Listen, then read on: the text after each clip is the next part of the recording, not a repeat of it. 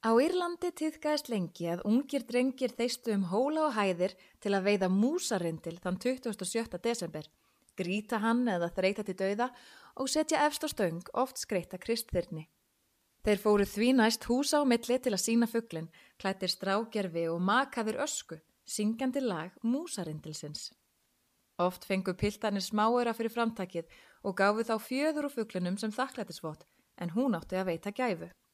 Þrjár megin kenningar er um upphaf þessa siðar, þó að víða megi finna fórnarháttiðir tengdar þessum ástíma. Hinn kristnakenning tengir Sankti Stefáni. Hann á að hafa verið að fela sig frá óvinnum sínum þegar söngelskur músarindill settist hjá honum og hóf upp röst sína. Gerði dýrlingnum þannig ómögulegt að felast og endu örlög hans með því að vera grítur til dauða. Þaðan kemur hugmyndin um að gríta músarindilinn.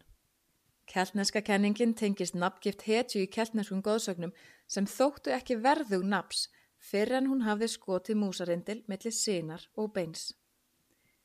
Þriðja kenningin snýrað innrás vikinga á nýjöndöld. Þá eiga írskir hermen að hafa setið fyrir vikingum og beðið átakta en músarindlar bari trómur þeirra með vangjum sínum og gokkum, þannig svikið írana.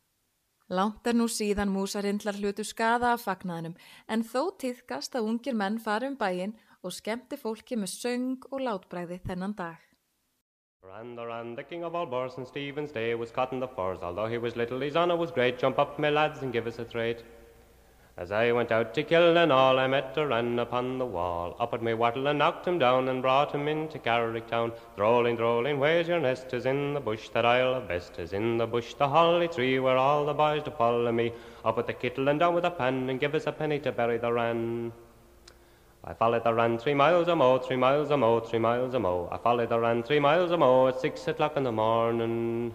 I have a little box under me arm, under me arm, under me arm. I have a little box under me arm, a penny or tuppence will do it no harm. Oh, Mrs. Clancy's a very good woman, a very good woman, a very good woman. Mrs. Clancy's a very good woman, she give us a penny to bury the wren.